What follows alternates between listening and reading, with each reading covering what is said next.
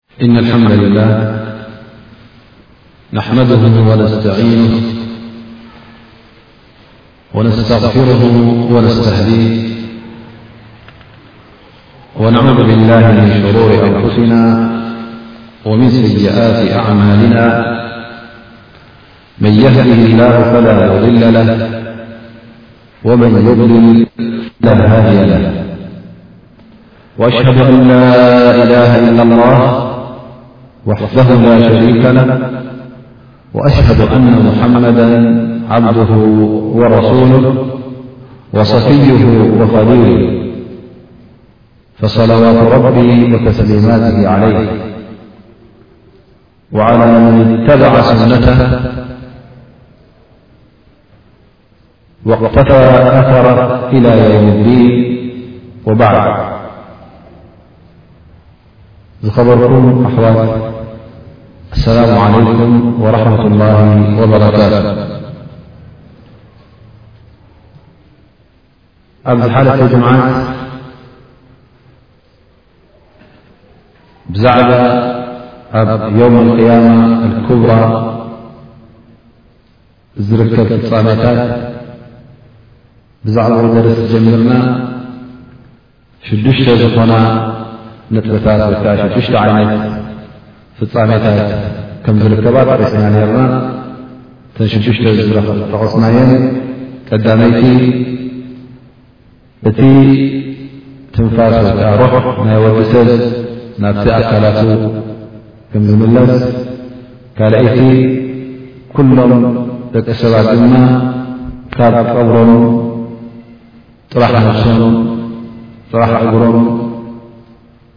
ከምታ ኣላህ ስብሓነሁ ወተዓላ ዝኸለቆምን ከይተኸንሸቡ ከምዝትስኡ ጠቒስና ኔርና። ሳልሰይቲ ነጥቢ ኣብ ዮም ኣልቅያማ ኣብቲ ዮም ኣልቅያማ ኣልኩብራ ፀሓይ ኣብቲ ሰዓት እቲ ቀረባ ንርእስኻ ቀረባ ክኾኑ ትቐርብ ማለት እዩ ሓደ ሜል ዝኸውን ኣብ ርእስኻ ትኸውን ከምኡውን ደቂ ሰብ ኩሎም ብረሃጽ ይጥስጥሱን ይጠልቁን ክሳዕ ኣብ ኣፎም ይበጽሕ እቲ ረሃጽ ኢልና ነርና ሓሙሸይቲ ኣብዚ መዓልቲ እዚ እውን እቲ ሰናይ ተግባራትካን እከ ተግባራትካን ዝምዘነሉ ሚዛን ይትከል ምክንያቱ ናይ ጸብጻብ መዓልቲ ስለ ዝኾነ ከምኡ ውን ኣብዚ መዓልቲ እዚ እቲ መዝገባት ዝገበርካዮ ኩሉ ተጸብጺቡ ኣብ መዝገብ ስለ ዝጸሓፍ እቲ መዝገባት ውን ይዝርጋሕ እንታይ እንታይ ትገብር ከም ዝነበርካ እንታይ እንታይ ሰናይ ተግባር ጌርካ ኣብቲ መዝገብ ይረኤ እከይ ተግባራት ትገብሮ ዝነበርካ ውን ኣብቲ መዝገብ ይረኤ ማለት እዩ።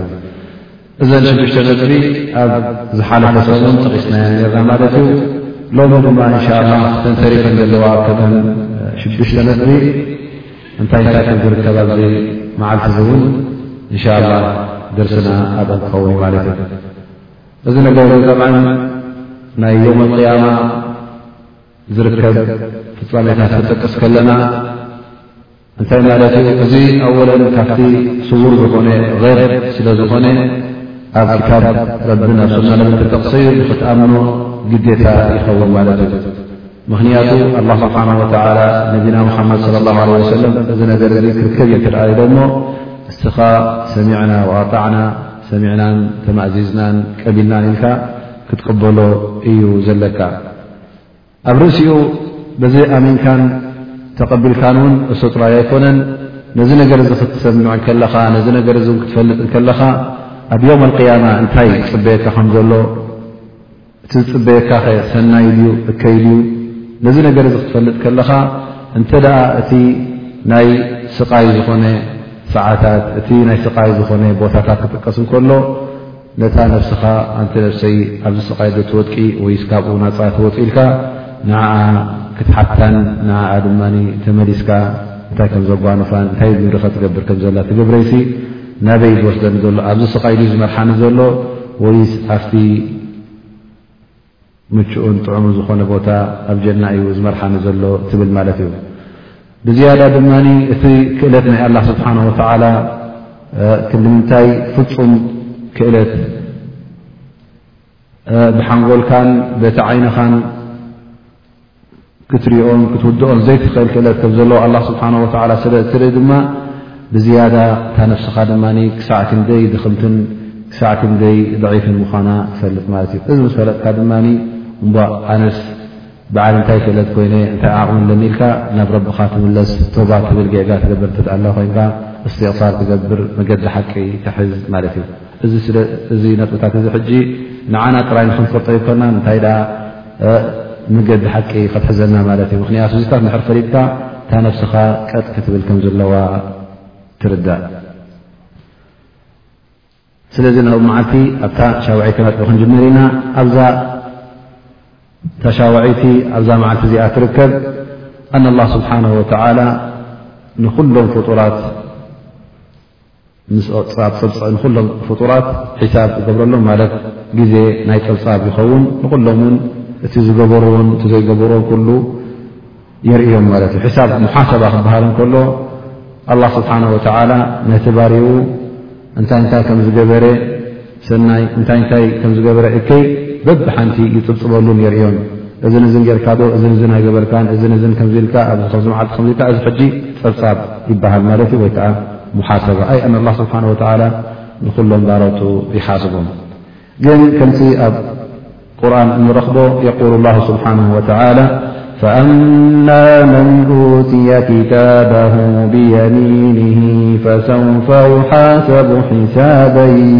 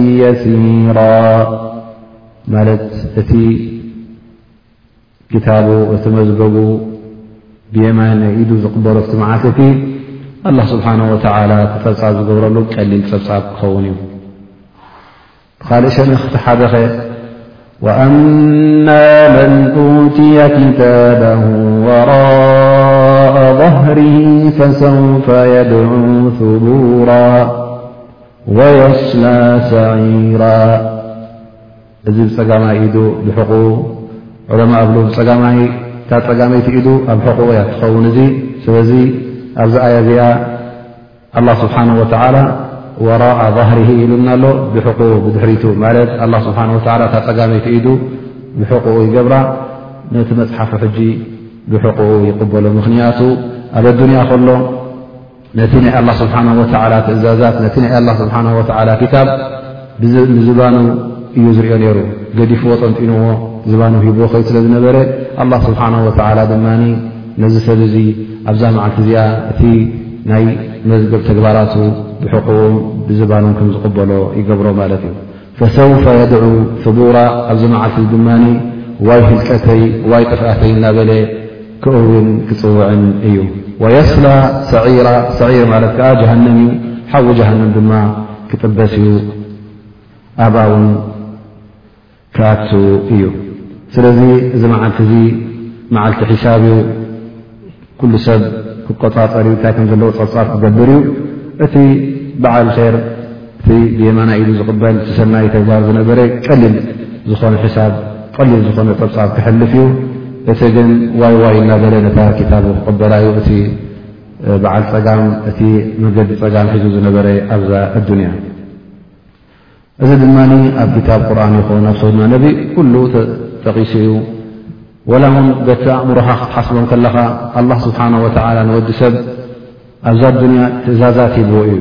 እዚ ንዚ ንግበር ኢሉ እዚ ንዚ ኣይትግበር ኢሉ ቁፅሮም ዘይፍለጥ ነብያታት ሰዲዱ እዩ። መዓት ከምኡውን መላእካታት እናወረዱ ናብቶም ኣንብያ ትእዛዛት የመሓላልፉ ነይሮም። ከምኡ ውን መፃሕፍቲ እውን ወሪዱ እዩ። እዚ ኩሉ ኣላ ስብሓን ወተዓላ ትእዛዛት ክህብ እንከሎ እንታይ ማለት እዩ እዚ ትእዛዛት ክህብ እንከሎ በዚ ትእዛዝ ጌርኩም ክዱ እቲ ዝከልከልኩም ትኸልከሉ ማለት እዩ ስለዚ እንተ ኣላ ስብሓን ወላ እዚ ኩሉ ነገራት ገይሩልካ ኮይኑ እሞ ገሌኻ ሕራ ኢልካ እሽኢልካ ተቐቢልካ ገለ ድማ ነዚ ትእዛዛት እዚ ነዞም ኣንቢያ እዚኦም ነፂግካ እዮም ክልቴኻ ኣላ ስብሓን ወተዓላ ብሓደ ዓይኒ ገይሩ ንኽርእካ ኣእምሮ ዘይቅበሎ ነገር እዩ ከምኡ ውን ዝኾነ ይኹን ሰብ እንተ ሓደ ነገር ንክሰርሕ ሓበሬታ ሂብካዮ ትእዛዝ ሂብካዮ ፅባሕ ትሓቶ ኢኻ እንታይ ጌርካለይ ኣብዚ ከም ዝኣመሰለ እንታይ ጌርካለይ ጌርካለይ ዶ ትዝኣሰካ ጌርካ ዶ ናይ ግድን እዩ ክትሓቶ እዚ እውን እቲ ኣእምሮ ዝቕበሎ እዩ ማለት እዩ ስለዚ ወላ እውን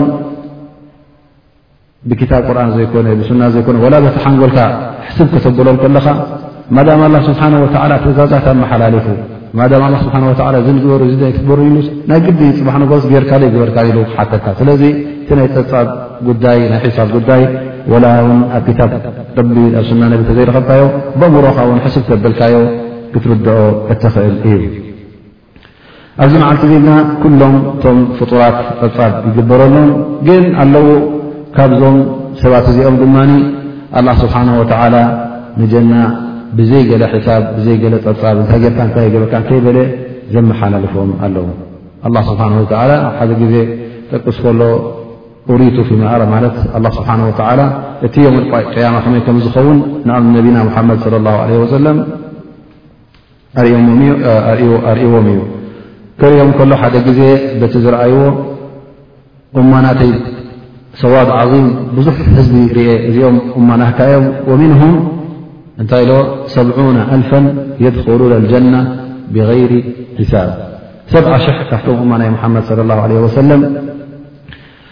ብዘይ ገለ ጸብጻብ ትኽ ኢሎም ንጀና ክሓልፉ እዮም። እዚኦም ሕጂ ካብቲ ናይ ጸብጻብ ዝተባህለ መዓልቲ ኣላህ ስብሓነሁ ወተዓላ እቲ ኣብ ኣዱንያ ዝገበርዎ እቲ ንኣላህ ስብሓነሁ ወተዓላ ምምእዛዞም ዓብይ ስለ ዝነበረ ከምኦም ዝኣመሰለ ድማ ስለ ዘይተረኣየ ኣላ ስብሓን ወላ ነዚኦም ብዘይ ገለ ሕሳብ ብዘይ ገለ ፀብፃብ ንጀና የመሓላለፎም ኣብዚ መዓልቲ እዚ እውን ጥራይ ደቂ ሰብ ኣይኮኑን ከምኡ ውን ቶም ጅን ቶም ጋኒን ውን ልክዕ ከማና ትእዛዛት ስለ ዝተመሓላለፎም ንሶም ውን ኣብዚ መዓልቲ እዚ ፀብፃብ ይግበረሎም እዩ ሊኣን ላ ስብሓን ወተላ የል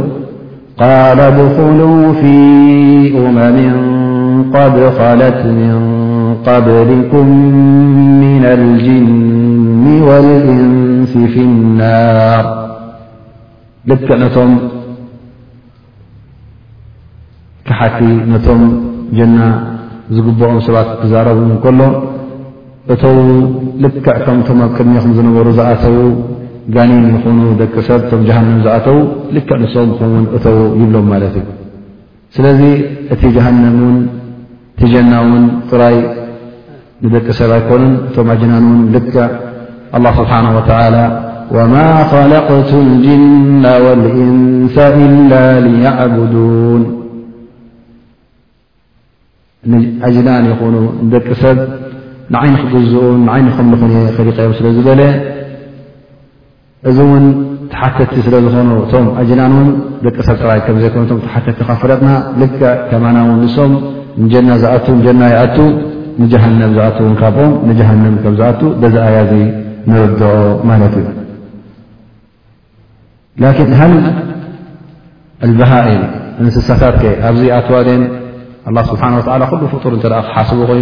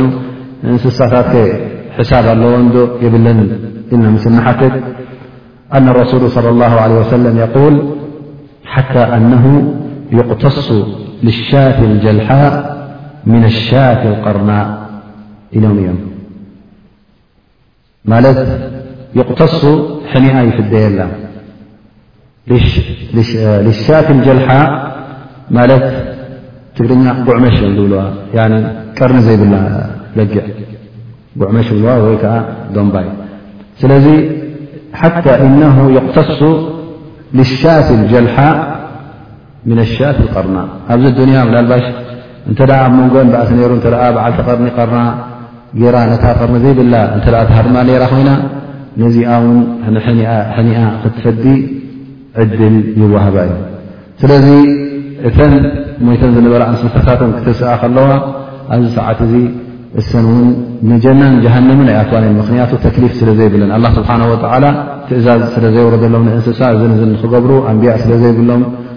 ከምኡ እውን ናብኦም ዝመፀ ክታብቲ ስለ ዘየለ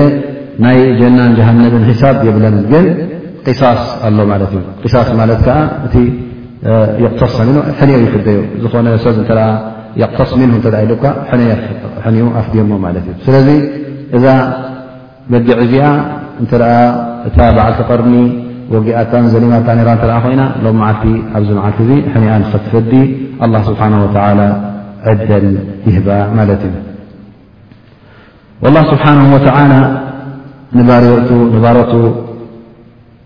ጸብጻብ ክገብረሎም እንከሎ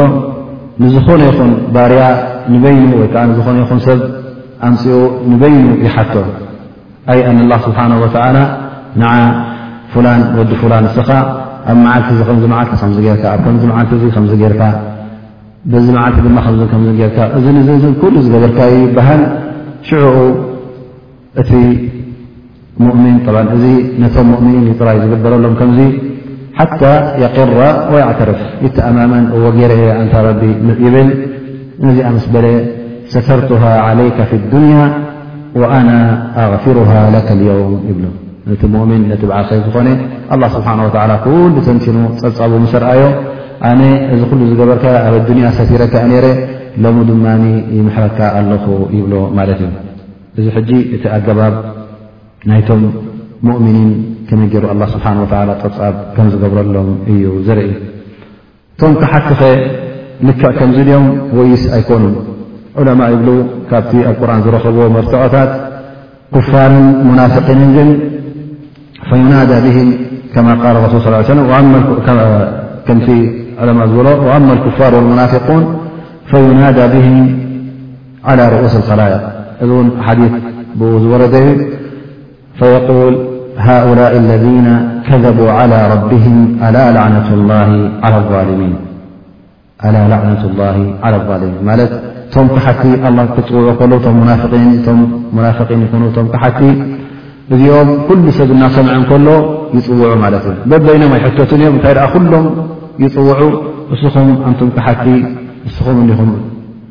ነቶም ኣንብያ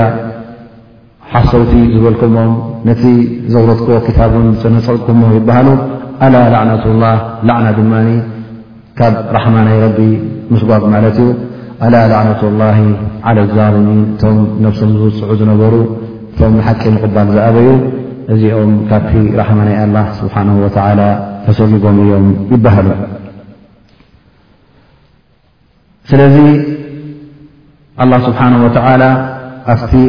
ሒሳብ ዝገብር ከሎ ፀብፃብ እውን ነቲ ሙእሚን ናቱ ንበይኑ ኣገባብ ኣለዎ ንካፍር ድማ ናቱ ኣገባብ ገይሩ ፀብፃብ ይገብረሎም እዩ ከምኡ እውን ኣለዉ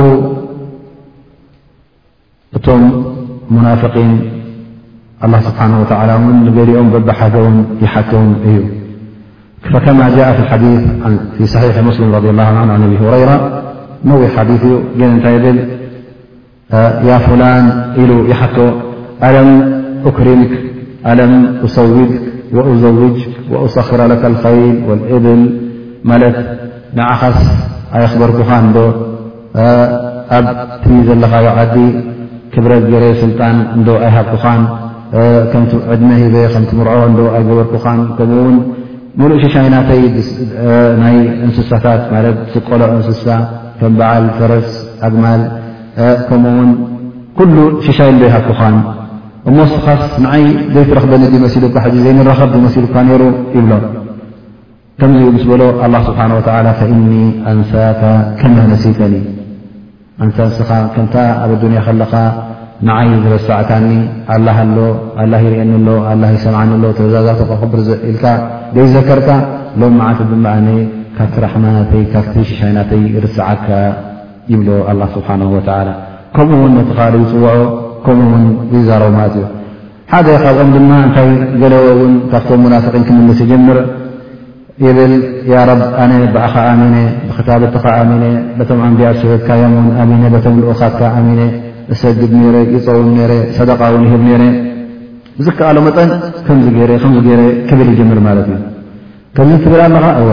እዘን ኣላ ስብሓን ወተዓላ እንታይ ይብሎ ኣልኣና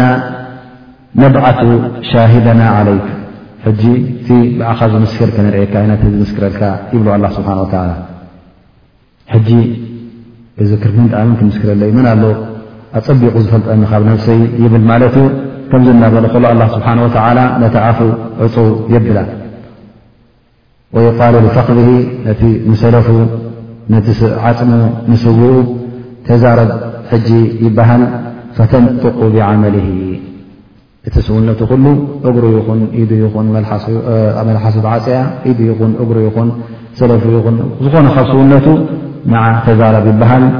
ወሊከ ዩዕበራ ምን ነፍሲ ኣላ ስብሓን ወተላ ድማ እዚ ሰብ እዚ እታ ነብስኻ በዓልካ እያ መስኪራትልካ ንክበሃል እንተ ሕጂ ዘረባ ኣለካ ኮይኑ ንነብስኻ መልሰላ ነብስኻ ባዕላ ኣንጻርካ ተምስክር ኣላ ይበሃል እዚ ድማ እቲ ሙናፍቅ ይኸውን ማለት እዩ ምክንያቱ ሙናፍቅ ኩሉ ግዜ እሰግድ ኣለኹ ፀውም ኣለኹ ቅድሚ ሰብ ይሰግድ ኣብ ቅድሚ ሰብ ይፀውም ኣብ ቅድሚ ሰብ ኣስላማ እዩ ዝመስል ግን ብውሽጡ ኩሉ ክሕደት ስለ ዝኾነ ኣብዮ ድማ ከምታ ብዱንያ ንሰብ ዝቕሽሻ ዝነበረ ንሰብ ዝታልል ዝነበረ ሕጂ እውን ከታልል ይፍትን ግን ኣላ ስብሓን ወተዓላ ዘመስክረሉ ካብ ሰውነቱን ኣዝዩ ዝፈልጦ ንኡ ይርከብ ማለት እዩ እታ ነብሱ ባዕላ ትምስክረሉ ማለት እዩ ስለዚ እቲ መሓሰባ ጠብ ናይ ቶም ክሓቲ ከምዚ ዝበልናዮ እዩ እሶም ድማ ቶም ክሓቲ ሰይኣትን ሓሰናት ማለት ትእከይ ዝገበርዎን ሰናይ ዝገበርዎን ናይ ሚዛን ጉዳይ የብሎምን ምኽንያቱ ኩሉ እቲ ኢማን ስለ ዘየለ ሓሰናት ዝበሃል የብሎምን ማለት እዩ ኩሉ ዝገብርዎ ዝነበሩ ኮንቱ ስለ ዝኾነ እቲ ሙእምን እስላማ እዩ እቲ እንታይ ኣለካ ሰናይን እንታይ ኣለካ እከይን ተባሂሉ ዝምዘነሉ ዳኣ እምበር እቲ ካሕድ ዝነበረ እቲ ዘኽሕድ ዝነበረ እዚ ሰብ እዚ ኣስልን ሰናይ ስለ ዘይብሉ ኣብ ሚዛን እውን ኣይቀርብን ምኽንያቱ ኩሉ ትሒዝዎ መፅኢ ዘሎ ባጥል ስለ ዝኾነ ኮንቲ ስለ ዝኾነ ሽርክ ዘለዎ ሰብ ወይ ውን ኣስለን ኣላ ስብሓን ወላ ዘይኣምን ወይ ውን ብኣንብያ ዘይኣምን እተ ኮይኑ እዚ ኩሉ ወላ ውን ሰናይ ዝገብሮ ዝነበረ ኣብ ፀብፃብ ስለ ዘይኣቱ ኣላ ስብሓን ወላ ናይ ሚዛን ፀብፃብ ኣይግበረሎውን እዩ ፋይዳ ኣብዚ ክንጠቕሳ ንኽእል ከምቲ ኣብ ኣሓዲስ ዝመፀ እቲ መጀመርያ ኣወል ማ ይሓሰብ ድማ ወዲ ሰብ ኣብ ሒሳብ ክኣቱ ከሎ ኣብቲ ተግባራቱ ሒሳብ ዝግበረሉ ቀዳማይ ነገር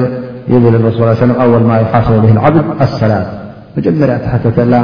ዓባይ ዝኽዕ ዝኾነት ነገር ካብቲ ኣላ ስብሓን ወላ ዝኣዘዘካ እታ ሰላት እያ ምኽንያቱ ሳ ተዓንዲ ናይ እስልምና ስለ ዝኾነት እታ ዝበለፀትን ዝዓበየትን ዒባዳ ስለ ዝኾነት ብኣ እያ ትጅመርታ ጸብጻብ ማለት እዩ ከምኡ ውን ኣወል ማ ይቁض ፊ በይን ናስ ማለት እቲ መጀመርያ ትፍረደሉን ዝበየነልካን ኣዲማ ኣወል ማ ይቁ ፊ በይን ናስ ኣዲማ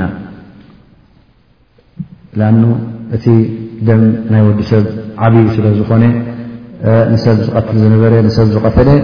መጀመርያ ትሕተተሉ ዘፍሰስካዮ ደም እተ ኣሎ ኮይኑ ብመጀመርያ እውን እቲ ቐባእ ወይ ውን እቲ ፍርድን ብየናን ይጀምር ማለት እዩ ስለዚ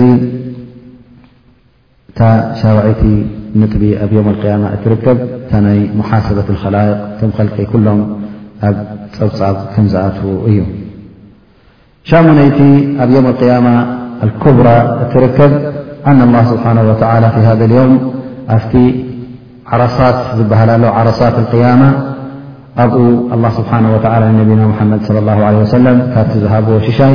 ሖብ ናይ ነቢና ሙሓመድ ለ ላ ለ ወሰለም ወይ ከዓ ሓፅቢ ክንብሎ ንኽእል ማለት እዩ ወይ ጋብላ መገጅፍ ሓፅቢ ኣሎ ናይ ነቢና ሙሓመድ ለ ላ ለ ወሰለም ዓረሳት ዮም ያም ዓረሳት ማለት ብቋንቋ ዓረብኛ ህዋ ሰፊሕ ቦታ ወይከዓ ገፊሕ ሜዳ ኣብ ማእከል ዓዲ ዘሎ ማለት እዩ ዓዲ እተ ሎ ኮይኑ ኣብ ማእከሉ ዘሎ ሰፊሕ ሜዳ ሰፊሕ ጎልጎል ዓረሳት ይበሃል ስለዚ እዚ ድማ ኣብ ዮም ያማ ኣሎ ዓረሳት ዝበሃል ሰፊሕ ቦታ ሰፊሕ ጎልጎል እቲ ህዝቢ ኩሉ ምስ ተስዐ ኣላ ስብሓን ወተላ ፈርዶምን ኣላ ስብሓን ወተላ እቲ ዝገበሮን ዘይገበሮን ንክተቕተሎም ወይ ንሃንጀና ንጀና ክሰዶም ንሃጀሃንም ክሰዶም እቲ ማሕሸር ሰብ ዝእከበሉ ቦታ ይኸውን ማለት እዩ ስለዚ እዚ ሓውድ ናይ ነቢና ሙሓመድ ለ ላ ለ ሰለም እዚ ሓቂ እዚ ናይ ነቢ ሙሓመድ ለ ላ ለ ሰለም ከም ምዃኑ ክንፈልጦ ይግባእ ብዛዕባ እዚ ሓፅቢ ወይ ከዓ ብዛዕባ እዚ ሖብ ናይ ነቢና ሙሓመድ ለ ላ ለ ወሰለም ብዛዕባኡ ትሽዓተ ክዓ ዓሰርተ ነጥቢ ዝኾና ኣለዋ ቀዳማይ ነገር ክንፈልጦ ዘለና እዚ ናይ ነቢና ሙሓመድ ለ ላ ለ ወሰለም ሖብ ወይ ከዓ እዚ ሓፅቢ እዚ ሕጂ ከም ዘሎ ክንኣምን ኣለና ማለት እዩ ሽዑ ዝኽለቕ ኣይኮነን እንታይ ደኣ ሕጂ እውን ኣሎ ሊኣን ረሱል ስለ ላ ለ ሰለም ሓደ ግዜ ክኸብኡ ከለዉ ንኣስሓቦ ነቶም ብፆቶም ነቶም ኣስሓባ እንታይ ይብሎም ወእኒ ወላሂ ለኣንظሩ ኢላ ሓውዲ ኣልኣን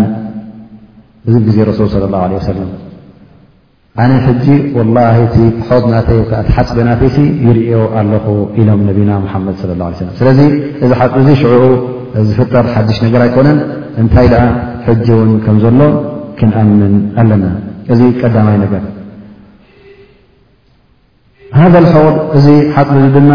እቲ ማዩ ካበይ ይመፅእ እንትልና ንሓትት ድማ ካብ ከውሰር ዝተባህለ ግፍ ዓብዪ ወሓዚ ኣሎ ኣዝዩ ዓብዪ ዝኾነ ወሓዚ ኣብ ጀና ኣሎ ካብኡ ኣላ ስብሓን ወተላ እዚ ሓፅቢ እዚ እቲ ማዩ ካብኡ ይመፁ ማለት እዩ እዚ ሓፅቢ እዚ ድማ ብክልተ መንጀርበብ ካብ ናይ ከውተር ናብዚ ሓፅቢ እዚ ይመልእ እሱዩ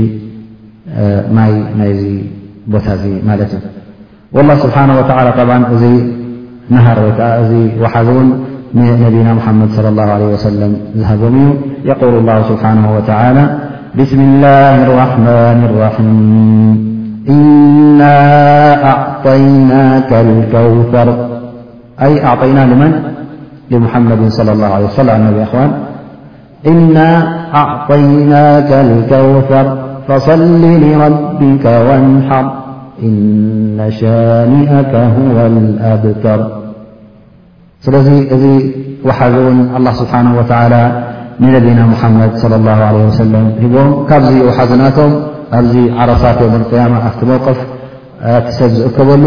ብክልተ መንጀርበብ ዓብዪ ሓፅቢ ኣሎ እሱ ውን ካብኡ ፈሲሱ ነዚ ቦታ እዚ ይምላእ ማለት እዩ እዚ ሓፅቢ እዚ ድማ ቅድሚ ሲራጥ እዩ ዝርከብ ቅድሚ ሲራጥ ማለት ሲራጥ ድማ ክንመፅ ኢና እንሻ ላ ገና ሲራጥ ከይበፃሕካ ከለኻ ሲራጥ ዝተባህል ከይተሳገርካ ከለኻ እዚ ነገር እዚ ይርከብ ማለት እዩ ምክንያቱ ኣብቲ ዓረሳት ዮም ቅያማ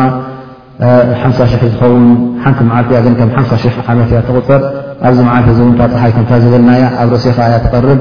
ስለዚ ኣብዚ መዓልቲ እዚ ኢኻ እቲ ማይ ትደልየሉ ማለት እዩ እዚ ማይ ድማ መን እዮም ዝሰትሉ ሃደ ሓውድ እዚ ሖ እዚ እዚ ሓፅቢ እዚ እቶም ብነቢ ብኣላ ቀዳምነት ብኣላ ስብሓን ወተላ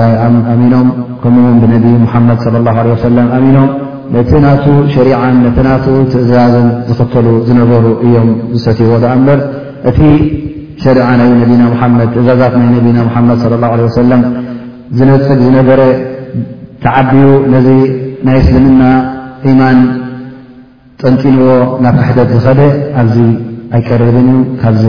ሓፅቢ እውን ይስጎግ ማለት እዩ ኩላ ሰብ ፀሚኣ ትርከብ ኣብዚ መዓልቲ እዚ እቶም ብኣላህን ብነቢን ሙሓመድ ለ ላ ለ ወሰለም ዝኣብ ነበሩ እቶም ሸሪዓ ናቱ ዝኽተሉ ዝነበሩ በዚ ሽሻይ እዚ እቲ ፅምኦም ይረውየሎም ስለዚ እስኻ እዚ መዓልቲ እዚ ሽግራቱ ካብ ፈለጥካ ፀሓይ ጣዕ ተብለካ እናፈለጥካ ረሃፅካ ኣላ ኣለም ኣበይ ከም ዝበፅሕ ብርቱዕ ረሃፅ ከም ዘሎ እናፈለጥካ ኣብ ኣፍካ ይብፃሕ ኣብ እግርኻ ይብፃሕ ኣብ መዓንጣኻ ይብፃሕ እዚ መዓልቲ እዚ ከምዚ ካብ ኮነ ካብዚ ናይ ነቢና ሙሓመድ ለ ላ ለ ወሰለም ሆድ ካብዚ ናይ ነቢና ሙሓመድ ለ ላ ለ ወሰለም ሓፅቢ ክስቲ እንተ ደሊኻ እንታይ ክትገብር ኣለካ ስና ናይ ነቢና ሙሓመድ ክትክተል እቲ ነቢና ሙሓመድ ለ ላ ለ ሰለም ዝኣዘዙኻ ክትመዘዝ ዝበሮ ዝበሉኻ ክትገብር ኣይቲ ዝበሮ ዝበሉኻ ዕሺ ኢልካ ካብኡ ክትርሕቕ ክትነፅጎ እቲ ስና ናቶም ኣይኮነንዶ ብኢትካ ብስንኻ ቐጥ ኣቢልካ ክትሕዞ እዩ ዘለካ እሶም ክዝከሩ ከለዉ ሰላት ዓለ ነቢ ክትገብር ኣ መሰላ ዓላ ሰይድና ሙሓመድ ክትብል ኩሉ ኮታ ንዕኦም ዘፍትን ንዕኦም ዘርዲን ክትገብር ነቶም ብፆቶም ንኣስሓብ ረሱል ለ ላ ለ ወሰለም ኣቡበከር ወዑመር ወዑስማን ዓሊ ወغይርህም ምን ኣሰሓባ ንኩሎም ክትፈትዎም ነቶም ኣንስቶም ነቢና ሙሓመድ ለ ላ ለ ወሰለም ክትፈትዎን ኣከም ኣዴታትካ ክትርእን እዚ ኩሉ ነገራት ክትገብር ኣለካ ካብቲ ሖድ ናይ ነቢና ሙሓመድ ለ ላ ለ ሰለም ትሰቲ እንተ ኮንካ ግን እንተ ነቲ ትእዛዛት ናይ ነቢና ሙሓመድ ለ ላ ለ ወሰለም ከም ማንም ትእዛዝ ጌርካ ርኢኻ እዚ ዓጀበካ ወሲድካ ዘይ ዓጀበካ ብእግርኻ ክትሸክዖ ከለኻ እዚ ኣብዚ መዓልቲ እዚ እቲ ጅሻይቲ ዝፀጋ እዚ ኣይክትረኽቦን ኢኻ ስለዚ እዚ ዩ ድማ ካብቲ ናይ ዮም ቅያማ ዝግበር ነገራት ንዑ ክትፈልጥ ከለኻ ይደፋፍኣካ ሰናይ ንክትገብር ይደፋፍኣካ ማለት እዩ ሓሙሻይ ነጥቢ ብዛዕባ ናይዚ ሖድ እዚ ምስኡ ዝተኣሰሳሰር ማለት እዩ ብዛዕባ ናይ ማዩ ኣረሱል صለ ላه ለ ወሰለም ክጠቕስዎ ከለዉ እንታይ ዓይነት ይብሉ ሕብሩ ማእሁ ኣሸዱ በያض ምና ለበን ማዩ ካብ ጸባ ይጽዕዱ ኢሎም ነቢና ሙሓመድ صለ ላሁ ለ ወሰለም ጠቒሶሞ ብዛዕባ መቐረቱ ከ እንታይ ይብልዎ ነቢና ሙሓመድ صለ ላሁ ለ ሰለም ብዛዕባ ናይ መቐረቱ ድማ ወኣሕላ ምና ልዓሰል ማለት መቐረቱ ካብ መዓር ይጥዕም ብዛዕባ ናይ ጨንኡ ድማ ኣጥየቡ ምን ሪሕ ልምስክ ሚስክ ዝበሃል ጨና ኣሎ ካብኡ እቲ ዝበለፀ ጨና እዩ ዝሕሰብ ነይሩ ካብኡ ዝበለፅን ደስ ዝብለካ ጨናን ይብሉ ማለት እዩ ስለዚ ብጨና ይኹን ብመቐረቱ ይኹን ብዓይንኻ ንክትሪኦ ከለኻ ባህ ዝብለካ ዝስተ ፈሳሲ እዩ ማለት እዩ ስለዚ ነዚ ክትረክብ እንተ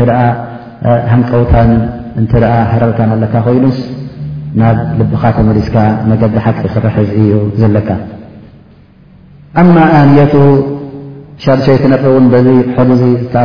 ዝተኣሳሰረት ክትፈልጦ ዘለካ ኣንኣንየት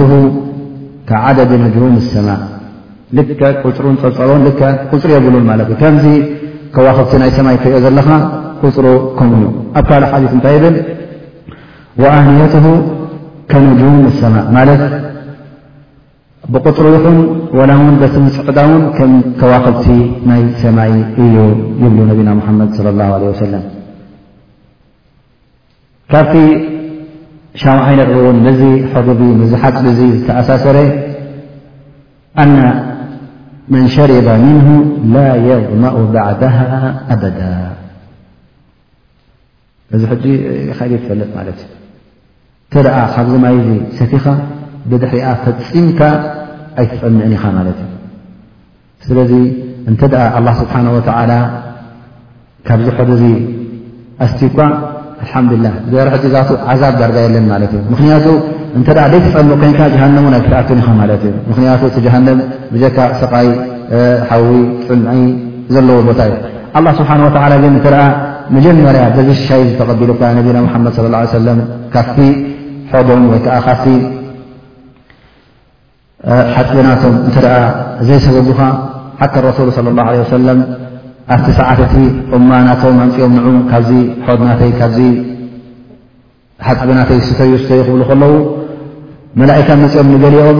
ብጭጉራፍ ገይሮም ወይ ከዓ ብኮርማጅ ገይሮም ይሰጉዎም ማለት እዩ እም እንታይ ገይሮም ይኹም እዮም እዞም ኣ እማናተይ እም እማናተይ ይብሉ ኣረሱል ለ ላ ለ ወሰለም እንታይ ኢሎም መሰሎም ያ ረሱሉ ላ ላ ተዕለሙ ማዛ ኣሕደቱ ምን ባዕድክ እዚኦም ብድሕሪኻ ዝገበርዎ ሱና ናካ ገምጢሎም እዮም ዝጥቀምሉ ነይሮም ስስኻ ዝበልካዮም ሱና ገዲፎም ባዕሎም ሓድሽ ነገር ንሂዞም ሓድሽ ዲን እዮም ገይሮም ነይሮም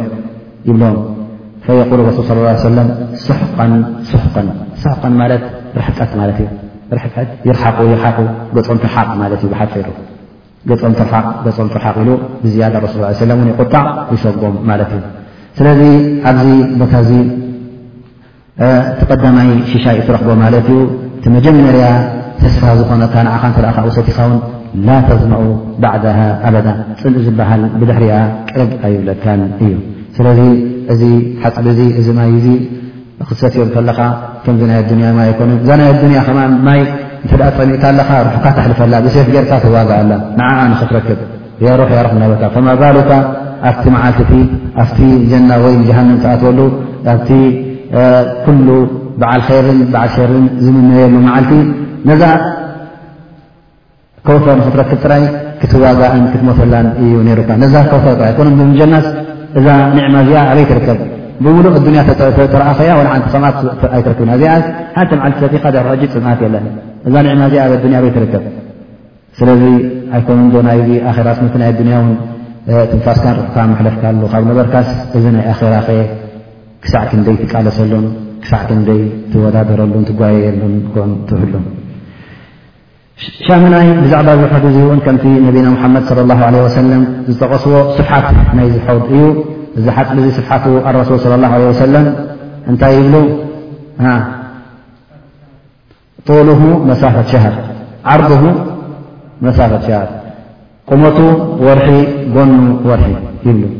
ወርሒ ክበሃል ከሎ ብ በቲ ናይ ቀደም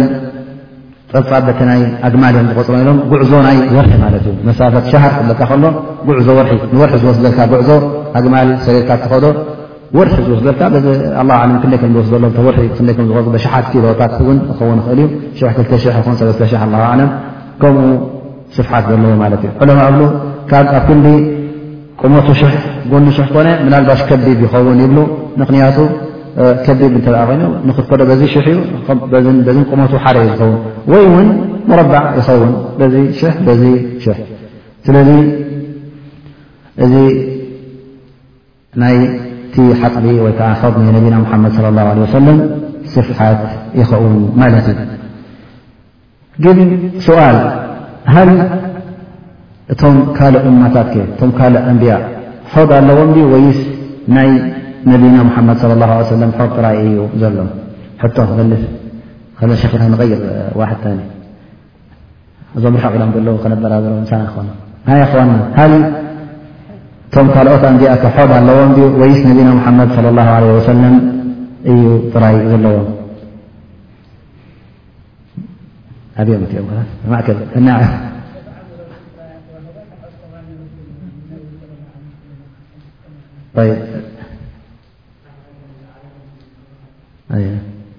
ኣለዎ ማለት ክልተ ርእቶ ኣለና ማለት እዩ ሕጂ ሳልሳይ መሰለኝ ክልተ እማ ኣለዎ እማ የብሎም ተድሕሪ ዘሎ ኣለዎ ኢሉ ኣለዎም ቶም ካል ኣንብያ ዝቕድሚ ዘሎ ድማ ጥራይ ናይ ነቢ ሙሓመድ ስለ ላሁ ለ ወሰለም እያ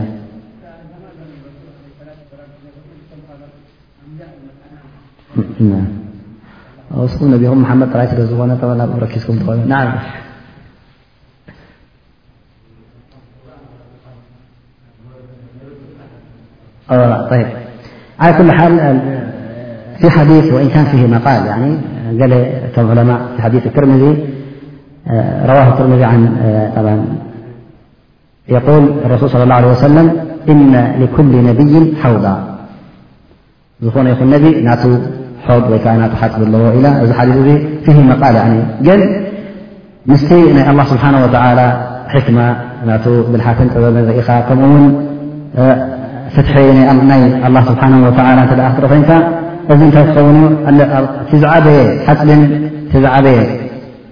ዝበለጸ ሖድን ናይ ነቢና ሙሓመድ صለ ላሁ ለ ወሰለም ግን ኩሎም እቶም ኣንብያ እውን ናቶም ኣሕዋት ኣለዎም ምክንያቱ ኣብዚ ሰዓት እዚ እቶም ካልእ ገቶም ካልኦት ኣንብያ ዝኣምኑ ዝነበሩ እዚ ፀሓይ ቃዕ ተብሎም ዘላስ እንታይ ክገብሩ እዮም ኣ ስለዚ ኣላ ስብሓን ወተላ ዝዓበየን ኣዝዩ ክቡርን ኣዝዩ ሰፊሕን ዝኾነ ንነቢና ሙሓመድ ለ ላ ለ ሰለም ሂቦ ይብሉ ዑለማ ግን ከም ካልኦት ኣንቢያ እውን ነናቶም ሓፅቢ ወይ ከዓ ነናቶም ሐውብ ኣለዎም ይብሉ እዚኣ ንዝሓተትኳ ዘንታ ማዕሉማት ብዙሕ ሰብ ስለ ዘይብሉ ክፈልጥ ኢልና ኢና ማለት እዩ ስለዚ ሓካ ክ ራእይ ክ መሓመድ ሳልሕ ብን ዑሰይሚን እኖ ንኩሉ ኣንብያ ነናቶም ሓውት ከም ዘለዎም እዚ ርእይቶ እዚ ወሲዱ ማለት እዩ። ስለዚ ምስቲ ራሕማ ናይ ኣላህ ስብሓነሁ ወተዓላን ምስቲ ናቱ ፍትሕን ምስቲ ናቱ ጥበብን ናቱ ርኢኻ ከምኡ እውን እዚ ሓዲስ እዚ ወይንካን ቁሩብ ዝዓፍ ይሃልዎ ዳኣ እምበር ኢነ ሊኩል ነብይን ሓውዶን ስለ ዝበለና ፈቶም ካልኦት ኣንብያ እውን ነናቶም ሓውድ ወይከዓ ነናቶም ሓቅቢ ከም ዘለዎም ዘረድእ ይኸውን ማለት እዩ።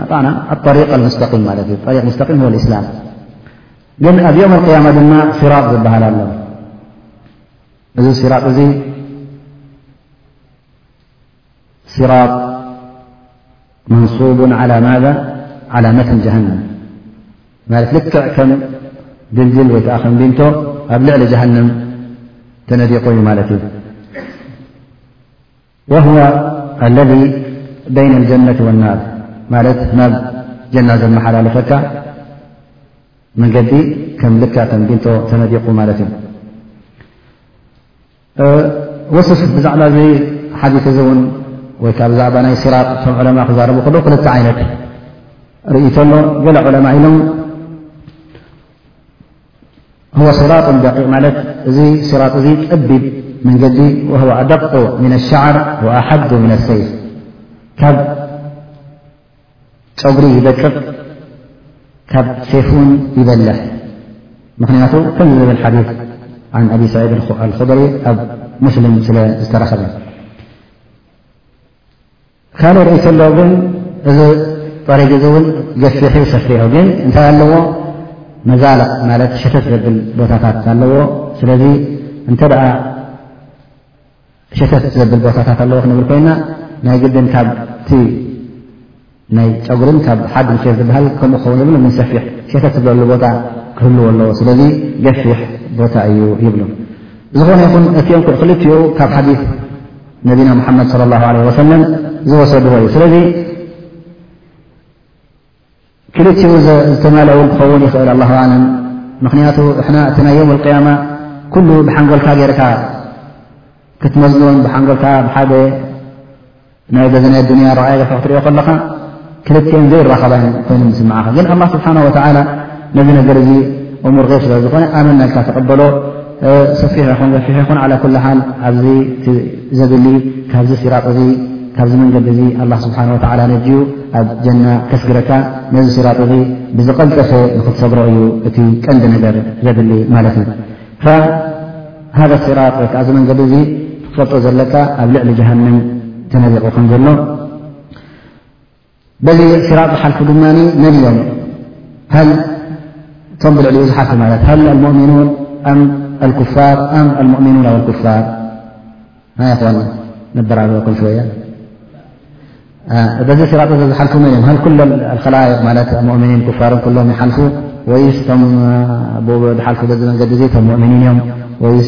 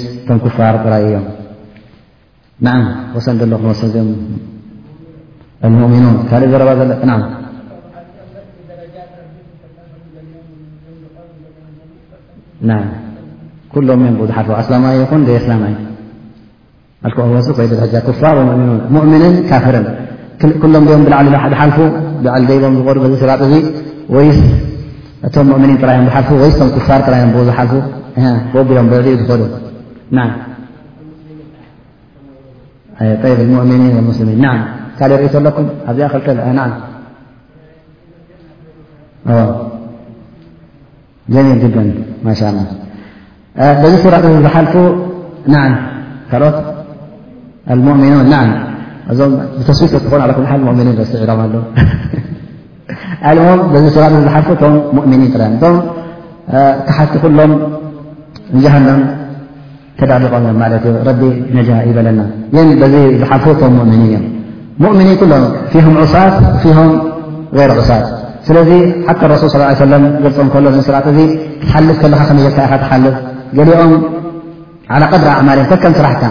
ከከምቲ ሰናይ ትገብሮ ዝነበርካ ማለት እዩ ባዕድ ናስ ልክዕ ከለምሒ በሰር ከምዛ ዓይንኻ በግ ኣቢልካ ጥዑ ውላዕ ብትርጋጋኻ ዕምት ኣቢልካ ፍት ተብላ ከምኣ ትኸውን ማለት እዩ ካብ ሓንቲ ውሳንያ ዝወሓለት ማለት እዩ ኣብኣ ከላ ይሓልፉ ወባዕድም መን የምሩ ከልበርቅ ገሊኦም ድማ ከም በርቂ በግ ኢሎም ይሓልፉ ማለት እዩ ወገሊኦም ውን ከም ንፋስ ገሊኦም ድማ ኣረሱል ስ ለ ሰለም ጠብዓ ክገልፅ እንተሎ ኣብቲ ግዜ እቲ ከም ባቡር ከም ለተሪና ከም እቶቡስ ከም ማኪና ከም ጠያራ ዘለ ክብሎም ከም ነፋሪት ክብሎም ኣይክእልን እዩ ምክንያቱ ኣይርድእዎን እዩ ስለዚ በቲ ኣብቲ ቢኣናቶም ወይከዓ ኣብቲ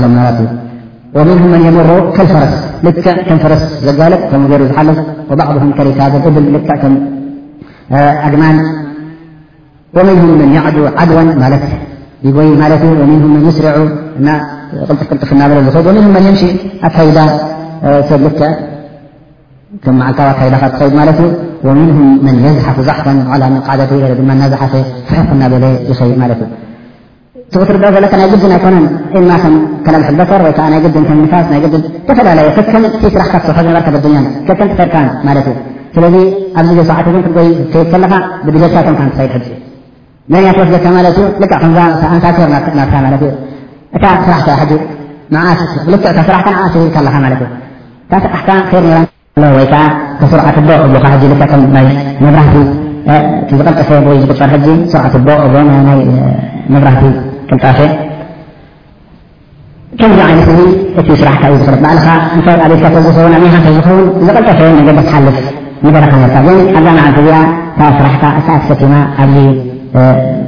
ወታ እዋ ተሰኪማ ደካ በዚ ሰባት እዚ ወታ በዚ ድልድል ተሕልፈካ ማለት እዩ ስለዚ እቶም ሙእሚኒን ጥራዮም ዝሓልፉ ክሓልፉ ከለዉ እቶም ሙእሚኒን ካብኡ እውን ሓደ ክልተ ይኹኑ መገዲ ዝጋገዩ ዝነበሩ ኣይሳምን እዮም። እዚኦም እውን ክሪኦም ከለኻ ከከም እቲ ስራሖም ዝሓልፉ ዘለዉ ሓደ ቀልጢፉ ንጀና ክኣቱ ሓሊፉ ማለት እዩ እቲ ሓደ ድማ ቀስ ኢሉ ልዕሊ ገሃነም ሕጂ ዶ ወድቕ ሕጂ ዶ ሸፈ ክብል እናበለ ይሓልፍ ማለት እዩ። ስለዚ ኣብዚኣ ድማ ወሚንሁም መን ዩኽጠፍ ኣብዚ መትኒ ሃንን ክኸውን ከሎ ናብ ገለ ካብቶም ዝሓልፉ ድማ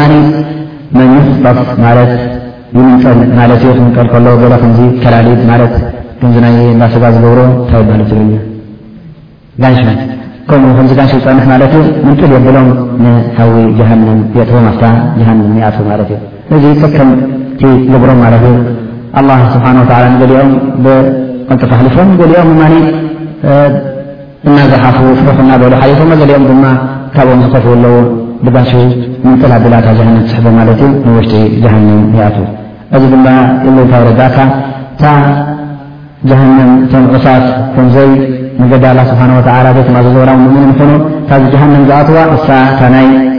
እቶም ኩፋር ዝኣትዋ ዝኣትውዋ ጀሃነም እያ ግን ኣበይ ይፈላለ ማለት እዩ ከምቲ ንፈልጦ ጀሃነም ንገዛእ ርእሱ በረካት እዩ ጀና ክወስፎ ከሎ ኣላ ስብሓን ወተዓላ ነቢና ደረጃት ይብልካ ደረጃት ማለት ንላዕሊ ደረካት ማለት ከዓ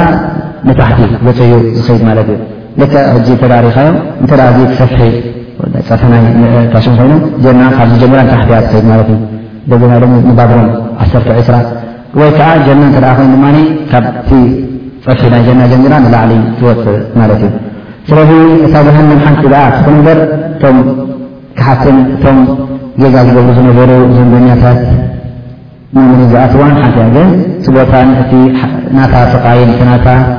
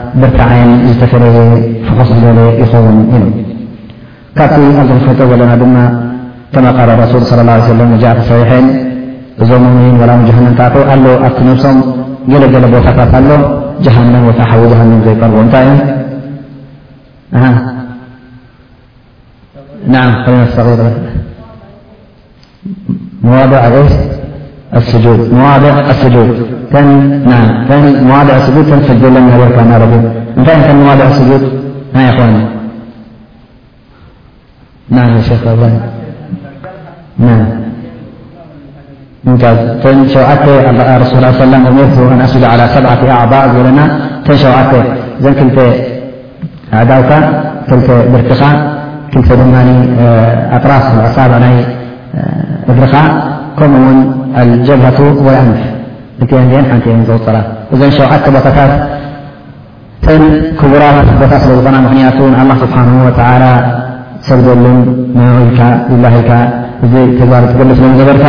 ካብቲ ራሕማናቱ ኣብዚ መዓልቲ እዚ ወላ እውን ብዙሕ ዘንብታት ነይሩካ ብሰንኪ ብሰንኪ ዘንብኻ ንጀሃንም ምእቲ ደኣ እምበር እተን ትሰግደለን ዝነበርካ ኣካላትካ ኣላህ ስብሓነሁ ወተዓላ ኣብቲ ሓዊ ጀሃንም ኣብኡ ከምዘይቃፀላን ከምዘይነዳን ይገብረን ማለት እዩ ባዕደ ዛሊክ መን መረ ሲራጥ ካብዚ ሲራጥ እዚ ዝተመሓላለፈ ካብዚ ሲራጥ እዚ ዝወፀ በቲ ጋንሾ ዘይወደቐ ወይከዓ በቲ ጋንሾ ዘይወደቐ ካብ ጀሃንም ሓሊፉ ማለት እዩ ንጀና ከም ዝኣቱ በቃ ተጨሪሱ ማለት እዩ ግን ኣብዛ ቦታ እዚኣ ድማ ቀንጠራ ትበሃል ኣላ ንእሽተይ ቀንጠራ ወይከዓ ንእሽተይ ቦታ ኣላ እቶም ኩሎም ዝሓለፉ ዝእከቡላ ኣብዛ ቦታ እዚኣ ኣላ ስብሓን ወተዓላ ነቶም ሙእምኒን ምስ ኣከቦም ገለ ገለ ዝበደልካዮ እንተ ነርካ ኮንካ ኣብዛ ኣዱንያ ገለ ጌርካዮ እንተ ኣብቲ ቅድሚ ሕጂ በዲልካዮ ሞኒ ኣብ ነብሱ ገለ ቂምታ ወይ ከዓ ፅልኢ ወይ ከዓ ቅርሕንቲ እንተ ነርዎ ኮይኑ ነዚ ቅርሕንትታት እዚ ኣላ ስብሓን ወተዓላ ንዕኡ ንክመሚ ኣብዚ ቦታ እዚ ናይ ሕነ ምስባ ይገብሮ እሱ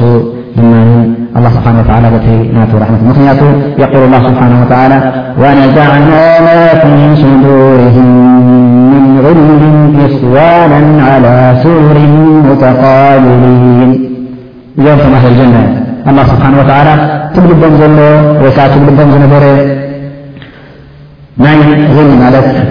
ቅርሕንቲ ይኹን ቃሓር ይኹን ቂምታ ይኹን ኣላህ ስብሓን ወተዓላ ነዚ ነገር እዚ ካብ ልቦም መንዚዕና ኣውፂእናዮ ኢና እሞ ልክዕ ኣሕዋት ጌርናዮም ኢና ዮም ኣልቅያማ ኣሕዋት ኮይኖም ዓላ ሱሩሪን ሙተቃብሊን ኣብቲ ኣዕራውቲ ናይ ጀና ኮይኖም ገፅ ንገፅ ዝረኣይሉ ብዘይ ቅርሕንትን ብዘይ ፅልእን ምኽንያቱ እቲ ቦታ እቲ እቲ ጀና እቲ ናይ ደስታን ናይ ራህዋን ናይ ሓጎስን ስለ ዝኾነ ኣብዚ ቦታ እዚ ድማ ቅርሕንቲ ክህሉ የብሉን፣ ኣብዚ ቦታ እዚ ጽልኢ ክህሉ የብሉን፣ ኣብዚ ቦታ እዚ ድማ ጭምታ ክህሉ ስለ ዘይብሉ፣ ኣላህ ስብሓነሁ ወተዓላ ነዚ ነገር እዚ ዝጻርየሉ ቦታ ኣበይ እዩ? ኣብታ ቐንጠራ ትበሃል ቦታ ንሲራጥ ሕልፍ ምስ በሉን ንጀና ከይኣተዉ እንከሎ ኣብኣ ምስ ተኣከቡ ካብ ሲራጥ ሓሊፎም ኣልሓምዱሊላህ ኢሎም ሕጂስ ሓሊፍናያ እዛ ሲራጥ ምስ በሉ ኣብዚኣ ድማ እተን ተሪፈን ዘለዋ ናይ ልቢ ቅርሕንትና እየን፣ ኣላህ ስብሓነሁ ወተዓላ ንኣኣን የጻርየሎም ማለት እዩ። ዓስረይቲ ነጥቢ ኣላ ስብሓን ወተላ ኣብዚ መዓት እዚ ዝፍፅማ ነቶም ሙእምኒን ንጀና የእትዎም ማለት እዩ ምእታው ናይ ጀና ትኸውን መጀመርያ ዝኽፈተሉ ጀና ድማ መን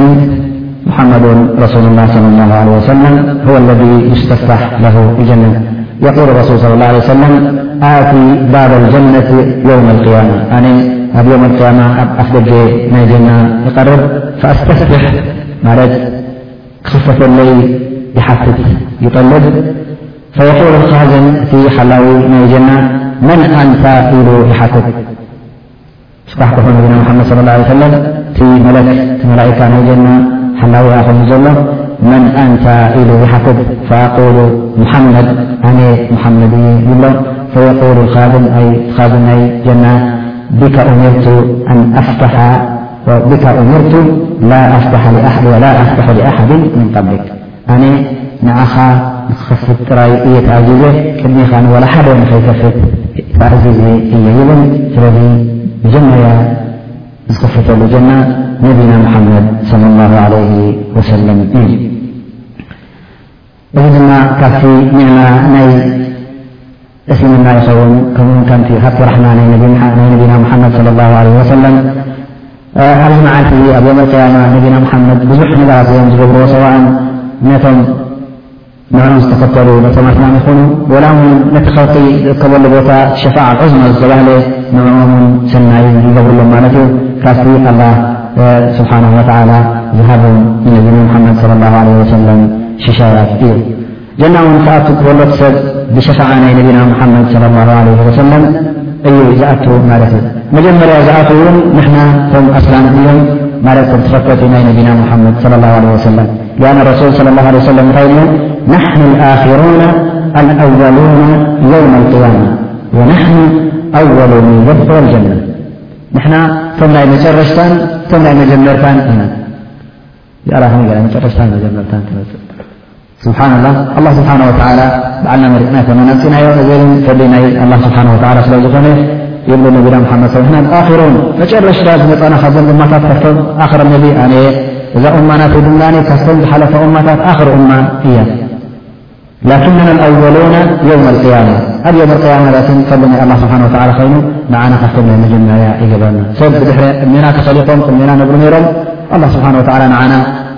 ቅድሚኦም ንጀና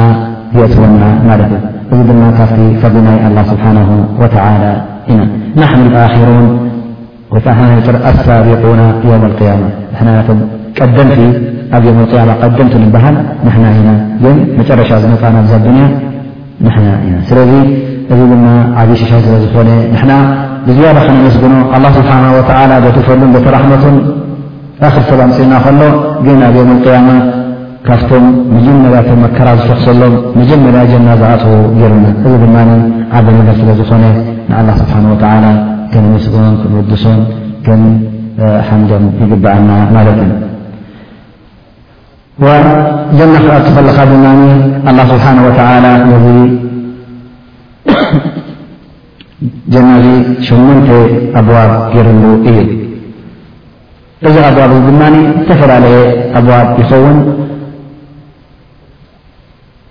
ከከምቲ ስራሕካ ኣብቲ ሲራጥ ከምቲ ዝበልናዮ እቲ መሓላለፈኻን እቲ ቐልጣፍካን እቲ ጉያኻን ልክዕ ከከምቲ ትሰርሖ ዝነበርካ በዱንያ እዩ ኣብዚ ጀና ክትኣቱ ከለኻ ድማ ከከም ስራሕካ ኢኻ እትኣቱ ማለት እቶም ኣህሊ ሰላት ዝኾኑ ብባብ ሰላት ይኣትዉ፣ እቶም ኣህሊ ሰደቃ ዝኾኑ ብባብ ናይ ሰደቃ ይኣትዉ፣ እቶም ኣህሊ ጅሃድ ዝኾኑ እቶም ሙጃሂዲን ዝነበሩ ብናይ ባብ ጅሃድ ይኣትዉ፣ እቶም ኣህሊ ስያም ሰብ ጾም ዝነበሩ ጾመኛታት ኣብ ጾም ዘብዝሑም ዝነበሩ ብባብ ረያን ይኣትዉ ማለት እዩ። ስለዚ ምናልባሽ ውን ገለገለ ሰባት ን ንኩሉ ባባት ን ይፅውዑ ይኮኑ ን በዚ ዩ ባብካ ን በዚ ዩ ባብካ ይበሃሉ ኾኑ ምክንያቱ እዚኦም ግን ውሕዳት እዮም ግን ኣላ ስብሓን ወተላ ን ካብቲ ሽሻይ ስለ ዝኾነ ንገለ ካብዞም እማናቱ ብኩሉ ኣባብ ተመርዕካ ዝፅውዕዎ ኣይሰኣንን እዮም ግን ምናልባሽ ግደ ኣነ ውን በዓል ሰላተ ሰግድ እየ ፀውም እየ ፀም ሰደቃ ሂብ እየ ማንኸ ብኩሉ ዶ እፅዋዕ ዶ ኣይፅዋዕን ኢሉ ውን ሓደ ሰብ ዝሓትት ክኸውን እዚ ዕለማ ኣብልዎ ዝኾነ ይኹን ሰብ ብዙሕ ዓይነት ሰናያት ይገብር እዩ ሰደቃ የውፅእ ይጃህድ በዚ ይፀውም በዚ ዘካት ይህብ በዚ በዓል ሰላት እዩ ዚ ብኩሉ ሰናይ ዝገበሩ ነገራት ይብሉ እዚስ ከመይ ይኸውን ምስ በሉ የቁል ካብቲ ዝበዝሐ ተግባራት ናቱ እሱ ይረ እንታይ ዩ ነ ሰብ እ ካብ ስያም ዝያዳ በብዝሕ ዝነበረ እቲ ስያም ናትካ ምስ ሰላት ናካ ወይ ከዓ እቲ ሰደቃ ናትካ ምስ ስያም ናትካ ወይ ከዓ እቲ ጅሃድካ ምስ ስያምካ ይረአ እቲ ኣብዝሕካ ትግደሰሉ ዝነበርካን ኣብዝሕካ እትገብሮ ዝነበርካን ንዕኡ ተራእዩ ብኡ ተቆፂርካ በቲ ተብዝሖ ዝነበርካ ቦታ ብኡ ትኣቱ ማለት እዩ ስለዚ ንጀና እንተ ክትኣቱ ኮንካ በቲ ኣብዚሕካ ክትገብሮ ዝነበርካ ተግባራትን በቲ ኣብዛ ኣዱንያ ክትገብራ ከለኻ ብዘይ ፀብፃብ ብዘይ ቁፅሪ ኣብኣ ተተኩር ዝነበርካ ካብ ሰናይ ተግባር እሳ ሒዛትካ ንጀና ተእትወካ ማለት እዩ እዚኣ እታ ናይ ቁፅሪ ዓሰርተ ትኸውን ቁፅሪ ዓሰርተ ሓደ ኣብ ዮም ኣልቅያማ ዝርከብ መበል ዓሰርተ ሓደ ድማ ኣነሁ ሁወ ኣሸፋዓ ኣብዚ መዓልቲ እዚ ሸፋዓ ዝበሃል ኣሎ ማለት እዩ ተን ሸፋዓ ድማ ነቢና ሙሓመድ صለ ላሁ ለ ወሰለም ሰለስተ ሸፋዓ ሂብዎ እዩ እዘን ሸፋዓ እዚኦ ናይ ጠቕሰን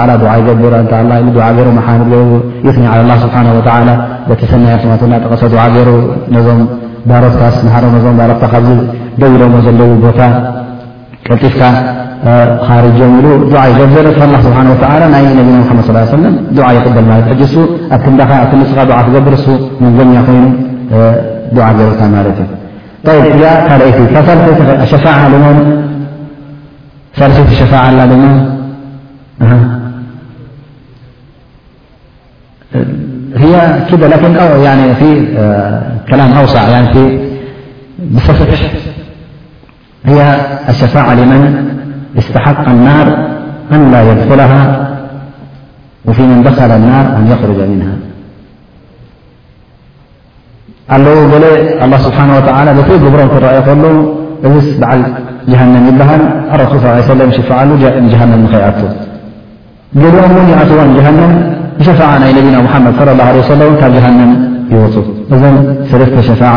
ናይ ነቢና ሙሓመድ ለ ላ ለ ወሰለም እየን ስለዚ እቲ ሸፋዓ ከስ ዝበልናዮ መንጎኛ ኮይኑ ሰናይ ዘምፃልካን ወይ ከዓ እከይ ንኸየጓንፈካን ካብዚ እከይ ዙ ዘናገፈካን ማለት እዩ እዚ እቲ ሸፋዓ መንጎኛ ኮይኑ ካብ ገለ እከይ ነገር ዘድሕነካን ካብ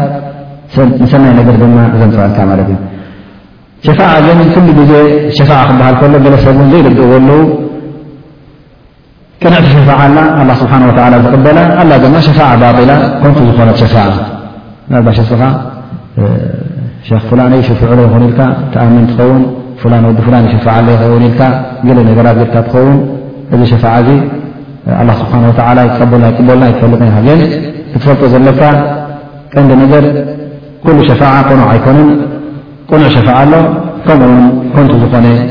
ሸፋዓ ኣሎ ማለት እዩ ሓደ ካብቲ ኮንቱ ዝኾነ ሸፋዓ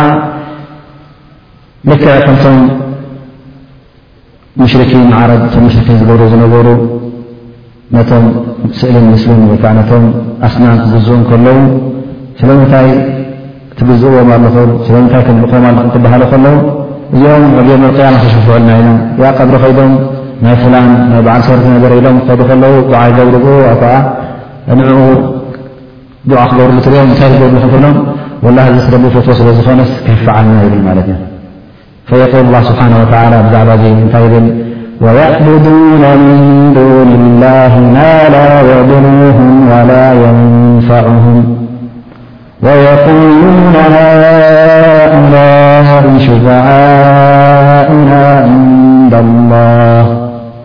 ኣለዉ ገለ ካብ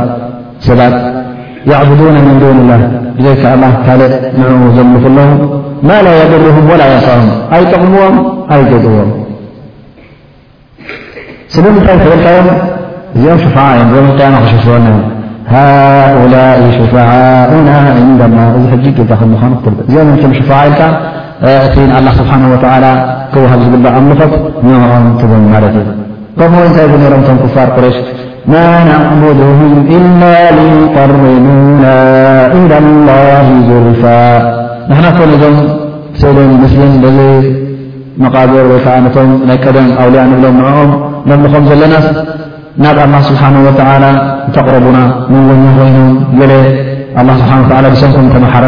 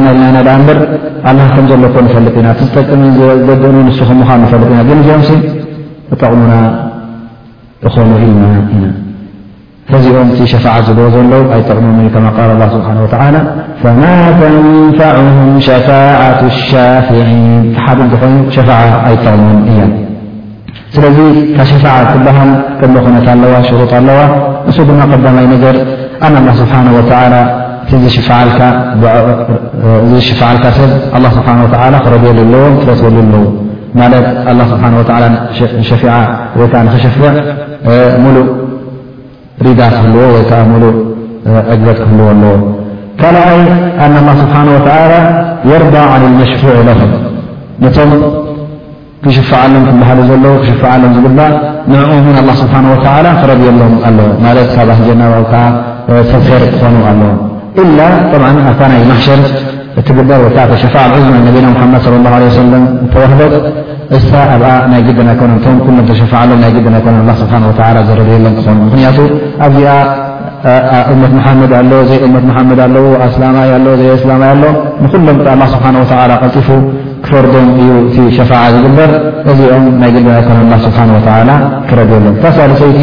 ኣና ረሱል ለ ላሁ ለ ወሰለም ኣን ኣላ ስብሓን ወተዓላ ከፍቅደሉ ኣለዎ እዘን ሰለስተ ነጥቢ እየን ማለት እዩ ስለዚ ሰለስተ ቅድሚ ኩነት ኣለዋ ማለት እዩ እቲ ሸፋዓ ንክተምም ቀዳማይ ነገር ኢልና ኣላ ስብሓን ወተላ ነቲ ዝሽፍዕ ዘሎ ኣ ስብሓ ክረድየሉ ነቲ እትሽፍዖ ዘለካ እውን ስብሓ ክረድየሉ ከምኡውን ሳልሳይ ኣላ ስብሓን ወተዓላ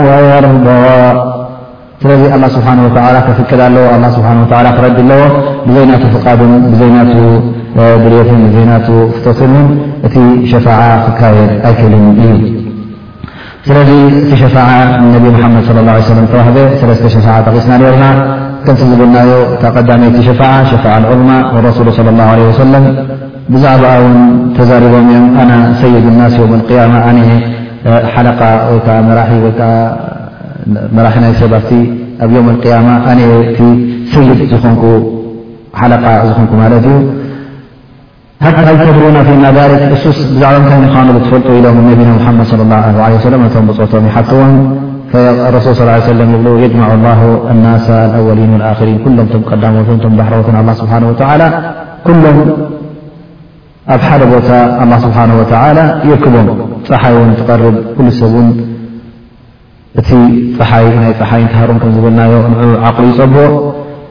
ስለዚ እንታይ ክንገብር እንታይ ክንገብር ይበሃሃሉ ኣንቱም ሕጅስ ብጀካ ሰብ ክንደሊ ኣለና እዚ ሰብ እዚ ድማ ኣላ ስብሓን ወተዓላ ዝፈትዎ ክኸውን ኣለዎ እሞ ናብ መን ንኺድ ናብ ኣደም ንኺድ ይበሃሉ ናብ ሰይድና ኣደም ይኸዱ ያኣደም እብሎ እስኻ ኣላ ስብሓን ወተዓላ ብኢዱ ኸሊቁካ ኣቡልበሸር እስኻ ኣወል መጀመርያ መባእታ ናይ ደቂ ሰብ እስኻ ኢኻ ወነፈኻ ፊከ ሚን ሩሑሂ ካብቲ ብሩሑ ናቱ ዘመኦ ነፊሑልካ እቶም መላእካ እውን ንኽሰግዱልካ ተኣዚዞም እዚ ኹሉ ብልፀታት ስለ ዘለካስ እስኻ ድማ ትሪኦ ኣለኻ እዚ ኩነታት ወሪዱና ዘሎ ሽግር እዚ ትሪኦ ዘለኻ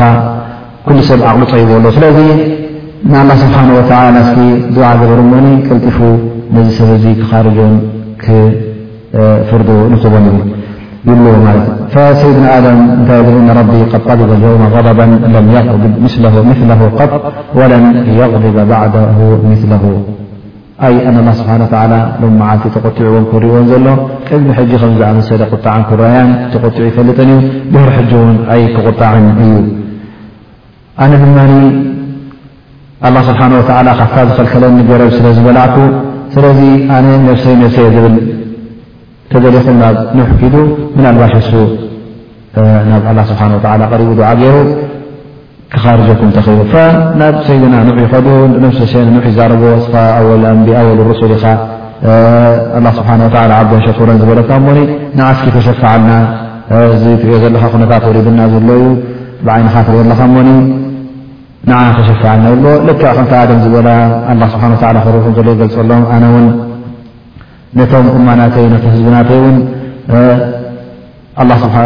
ኣንፃሮም ዱዓ ስለ ዝገበርኩ ስለዚ እዚኣ ኣላ ስብሓን ወተላ ጌጋ ሓሲብለ ይኸውን እሞ ኣነስ ክዛረቦ ይክእልን እየ ተገሊኹም ናብ እብራሂም ሰይድና እብራሂም ክዱ ይብሎም ማለት እዩ ናብ ሰይድና እብራሂም ኸዱ ነፍሲ ሸይ ኢሎም ክዛረቦ ኣነ እውን ኣይክእልን እየ ምክንያቱ ኣነ ሰለስተ ሓሶ ዝሓሰኽዎን ኣለኹ ስለዚ እዚአን እውን ዘምተቆፂረን ኣለ ክኾና ክእላ እየን እሞ ኣነስ ናብ ኣላህ ስብሓን ወተዓላ ቀሪበ ክሽፋዕን ዱዓ ክገብር ኣይክእልን እየ ይብል ማለት እዩ። እዘን ሰለስተ ነጥቢ ዝበለን ድማ ኣብ ሰለስተ ሓሶት ሓሶየን ዝበለ እንተ ክንሪኦን ኮይና ናይ ብሓቂ ሓሶት ኣይኮናን ኩለን እውን ንሊላህ ኢሉ ዝገበረን ነገራት እየን። ቀዳመይቲ እቶም ህዝቡ ወይ ከዓ ኣብቲ ግዜ እቲ ናብ እቲ ኣስናም የምልኹ ስለ ዝነበሩ ኣብቲ ፌስታ ናቶም ሒዞሞ ንክኸዱ ምስኦም ንክውዕል ገለታት ኢሎም ሙንከር ንክገብር ክወዞም ዝደለዮ እኒ ሰቂማነ ፀሊኡምሉ ኣይከይድን ኢሉ ካብኦም ተሪፉ ማለት እዩ እዚኣ ሕጂ ሓንቲ ሕሱብ ሓቲቦ እሱ ሙንከር ፀሊኡ እያ ፀሊኡም ኢሉ እበረይ ካልእ ነገር ኣይኮነን ካልይቲ ነጥቢካ ሓሰያ ዝብል ዘሎ ድማ ነቶም ኣስናም ዝሰበሮም ሕጂ ምስ ኣምጽዎ ስኻ ካሲርካ ኣነ ኮን ኮንሰሮም ተዓብዩ ሴርዎም ረይዎም ግን ባዕሉ ትፋስ እዚ ኣብ መንክቡ ሰቒልዎሉ ከምዚኣ ገይሩ መቸም ነታ ነገር ኣሕልፍዋ ማለት እዩ ስለዚ እዚ እውን ንሊላህ ኢሉ ዝገበሮ ነገራት እዩ ነይሩ ከምኡ ውን እቲ ነምሩድ ንጉስ ሓደ ግዜ ሒዞ ምስ መፀ ንዑ ንሰበይቱ ምስ ኣምፀአ መን እያ ዛምሳኻ ዘላ ኢልዎ እሱ ሕጂ ሓፍተያ ይብሎ ማለት እዩ እሳ እውን ኣብ እስልምና እቲ ዲን ኣብ ሓፍቶም እያ ትቁፀር ግን እዚ ነገር እዚ ሓፍተይ ኣነገሪት ድማ ምኽንያቱ ሰበይቲያ እንተበለ ንዕኡ ንኸይሕጎስ ኢሉ ከይተን ኢሉ ነታ ንሰበይቱ ንኸየሕድጎ እዚኣ ስሓፍተያ ይብሎ ማለት እዩ ስለዚ እዚኤን ሓሶት ተቆጢለ ናበይ ከይኮና እሞኒ ኣላ ስብሓን ወተላ ተቆጢዑለይ ከይከውን ትሸፍዓ ናተይ ሕራይ እውን ኣይብለኒ ንኸውን ኣነስ ናብ ኣላ ስብሓን ወተላ ቀሪበ ክጠልብ ሸፍዓ ክጠልብ ወይከዓ ዱዓ ገይረ ክቐረብ ኣይክእልን እየ ይብል ማለት እዩ። ብድሕሪኡ ናብ ሰይድና ሙሳ ይመፁ። ሰይድና ሙሳ እውን ኣነ ሰብ ስለ ዝቐተልኩ ከምዚ ዓይነት ዘንቢ ስለ ዘለኒ እውን ናብ ሸፍዓ ዝበቅዕ ኣይኮንኩን ኢሉ ነፍሲ ነፍሲ እናበለ እቲ ቁጣዓ ናይ ኣላ ስብሓን ወተዓላ ይጠቕሰሎም። ከምኡ ውን ናብ ዒሳ ይኸዱ። ዒሳ ውን ነፍሲ ነፍሲ ውብ እናበለ ነታ ሸፊዓ ነታ ምሽፋዕ እውን ኣይቅበላን እሱ እውን ከምዘንብለን ኢሉ ኣይጠቐሰን ማለት እዩ ኩለሁም ከማ ቃል ኣደም ነፍሲ ነፍሲ እናበሉ ነታ ነገር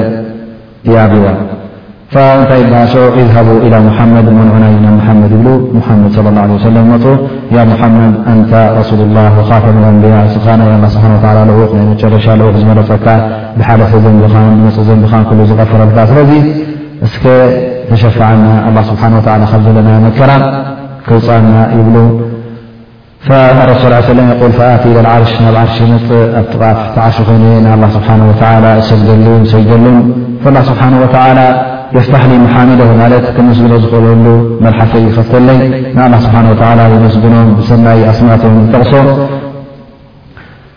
ቅድሚ ሕጂ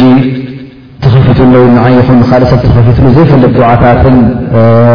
ምህለላን ወይ ከዓ ተስቢሕን ዝክሪ ንገብር ኣላ ስብሓን ወተዓላ ብድሕሪኡ ቁም ያ ሙሓመድ ተስእ ያ ሙሓመድ ብለኒ እርፋዕ ራእሰክ ርእስኻ ኣልዕል ሰል ትዕጣ ሕተት ክትወሃብ ወሽፋዕ ትሸፋዕ ሸፋዓ ውን ተደለኻ ሸፋዓ ጥለብ ሸፋዕኻ ክንቅበሎ ኢና ይብለኒ ኣላ ስብሓን ወተዓላ ይብል ስለዚ እቲ ሸፋዓ ናይ ነቢና ሙሓመድ ሰለ ላሁ ዓለይሂ ወሰለም ዓብን ኣድላይን እዩ። ንሕና እውን እንተ ናይ ነቢና ሙሓመድ ሰለ ላሁ ዓለይሂ ወሰለም ዝበልናዮ ሸፋዓ ንብል እንተ ኮይንና ዱዓ ክንገብር ከለና ያ ረሱላላህ ሸፋዓ ሃበና ኣይበሃልን እዩ። እንታይ ደኣ ናብ ኣላህ ስብሓን ወተዓላ ከ ዱዓ ክገብር ኣንታ ረቢ ካብ ሸፋዓ ናይ ነቢና ሙሓመድ ሰለ ላሁ ዓለይሂ ወሰለም ሲ ኣይትሕረመና ኣይትኽልክለና ኢልካ እቲ ዱዓኻ ናብ ኣላህ ይኸውን እቲ ሸፋዓ ድማ ዝመፀካ ካብ ኣላህ ክጠልብ ኣለካ ማለት እዩ።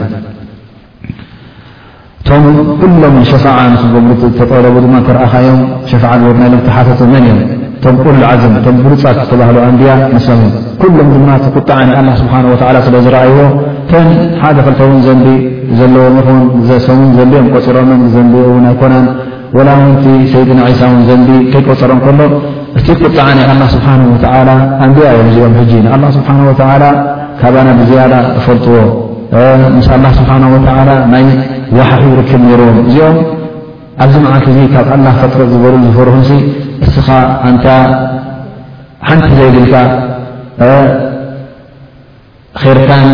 ወይ ከኣ ሰናይካን እከይካን ቐጽር ተበልናካ ሰናይካ ክንዲ ጎቦ ተን ኼርካ ድማ ክንዲ ፍንጃል ዘይኮና ኣብዚ መዓልቲ እዚ እስከ ክሳዕ ክንደይ ክትፈርስ ዘለካ እቶም ኣንብያ እቶም ምሩጻት እቶም ዳርጋ ንጀና ንክኣትዉ ኣብ ኢዶም ወይ ከኣ ማለት ኣላ ስብሓን ወተዓላ ኣበሲርዎም እንከሎ እሶም ዝፈርህሉ ሰዓታት ካብ ኮነ እሶም ካብ ኣላ ስብሓን ወተዓላ ዝስምድሉን ዝፈርህሉን ካብ ኮነ እሞ ንስኻስ ክሳዕ ክንዲ ክትፈርህ እዩ ዘለካ ናታ ኣዝዩ ብጣዕሚ ከቢድ ፍርሒ ክኸውን ኣለዎ ኣይኮነን ብክሳዕ ሽዑ ትጸንሕ ሕጂ ውን ክትፈርህ ኣለካ ካብቲ ዘለካዮ ጌጋታት ድማ ክትቁጠብ ኣለካ ማለት እዩ ስለዚ እቶም ኡሉል ዓዝም ካብ ፈርሁ እቶም ኡሉል ዓዝም እቶም ንኣላህ ስብሓነሁ ወተዓላ ብዝከኣሎም መጠን ዝግዝኡ ዝነበሩ እቶም ውሩያት ኣንብያ ዝተባህሉ እቶም ናይ ኣላህ ስብሓነሁ ወተዓላ ትእዛዛት ኣብ ነብሶም ኣውዒሎም ናብ ሰብ ዘብፅሕዎ ዝነበሩ እቶም ምእንቲ እዚ እስልምና ኢሎም ነብሶም ኣብ ሞትን ኣብ ቃልስን ዘእትዋ ዝነበሩ እዚኦም ካብ ፈርሁ እዚኦም ፈጥፈጥ ካብ በሉ እስኻ ኸ እንታይ ክትከውን ይግብእካ እስኻ ብዝያዳ ክትፈርህ ይግብእካ ካብቲ ናይ ነቢና ሙሓመድ ሰለላሁ ዓለይሂ ወሰለም እውን ሓንቲ ውስንቲ ሸፋዓ ኣላቶም ይበሃል። ንሳ ድማ ንነቢና ሙሓመድ ሰለላሁ ዓለይሂ ወሰለም ንኣቡ ጣልብ ዝሽፍዕዋ እያ። ምኽንያቱ ሓወቦኦም ኣቡ ጣልብ ምእንቲ እስልምና ብዙሕ ሰናይ እሱ ንምዃኑ ኣብ እስልምና ኣይኣተወን፣ ካብቲ ዝነበሮ ክሕደት ኣይወፀን። ግን ኣላህ ስብሓነሁ ወተዓላ ነቲ ምስልምና ብዙሕ ሰናይ ነገራት ገይሩ እዩ ንረሱል ስለ ላ ለ ሰለም ተኸላኺልሎም እቲ እስልምና እውን ኣብቲ ግዜ እቲ ኣድላይ ዝኾነ ምክልኻላት ደሊ ነይሩ ብሰንኮም ብዙሕ ጉድኣታት ናብ ነቢ ሙሓመድ ስ ሰለም ይኹን ኣብቶም ኣስሓብ ረሱል ይኹን ኣብቲ እስልምና ዝሕሰብ ዝነበረ ዝእለም ዝነበረ ወዲታት ብዙሕ ነገራት ብሰንኮም ስለ ዝፈሸለ ኣላ ስብሓን ወተላ ንነቢና ሙሓመድ ለ ላ ለ ሰለም ኣፍቂድሎም ማለት ንሓው ኣቦኦም ሸፋዓ ክገብርሉን ሸፋዓ ምስ ገበርሉ ኣብ ክንዲ ኣብ ጀሃነም ዝኣትዉ ኣብቲ ስቓይ ጥራይ ኣብ እግሮም ወይ ከኣ ጃክ ፊ ባሕባሕን ማለት ኣብ ቁሩብ ከም ማይ ማለት እዩ ከም ጭቃ ትብሎ እዚ ዓዛብ ጥራይ ክኾኖም ማለት እቲ ጀሃነም ጥራይ ካብ እግሮም ንኸይሓልፍ ግን እቲ ስቓይ ኣብ ሓንጎሎም እዩ ዝፈልሕ ማለት እዩ ይስምዖም እዩ ግን ይፈኽሰሎም እየ ኣቡ ጣልብ ማለት እዩ ከምኡ ውን ኣሎ እቲ ሸፋዓ ዝበልናያ ሓንቲ ሸፋዓ ድማ ኣረሱል ስ ሰለም ነቶም ኣህልና ወይከዓ ሓዊ ጀሃነም ዝኣተዉ ካብ ጀሃነም ንኽወፁ ወይ ከዓ ንክኣትዎ ተሓሲቡ ዝነበረ ንኸይኣትዉ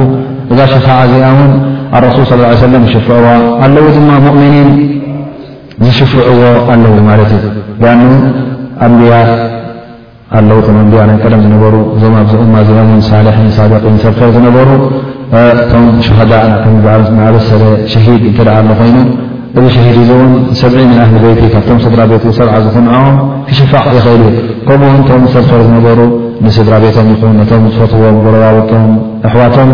ይሽፍዑሎምን እዮም ማለት እዩ። ስለዚ እዚ ሸፋዓ እዚ ውን ጥራይ ንነቢና ሙሓመድ ሰለላሁ ዓለይሂ ወሰለም ኣይኮነን ዝወሃብ። ንዝኾነ ሰብ እተ በዓል ሰላሕ በዓል ር በዓል ፅቡቕ ነይሩ ኮይኑ ኣላ ስብሓን ወላ ኣብቲ ሰዓት እ እተ ዝሰብ እዙ ድዓ ገይሩ ንኣብነት ሰበይቱ ሓዉ ሓወቦ ገለ ንኦም እተ ተሸፊዕዎም ኣንታ ረቢ እዚ ከምዝከም ዝኣመን ሰላ ሓወቦ ይሩ ንዓይ ከምዚ ር ይገብረለ ይሩ ወይዓ እዛ ሰበይተ ከምዚ በዓል ተኸርያ ነራ እዚ እውን ዘንባን ካብቶም ኣህጃን ንበኣ ትኹን እበር ምእንታይ ኢልካ ውን ኣንታ ረቢ መሓራ ኢሉ ድዓ እተ ገይሩ ኣላ ስብሓን ወላ ነዞም ሳልሒን ነዞም ኣህሊ ር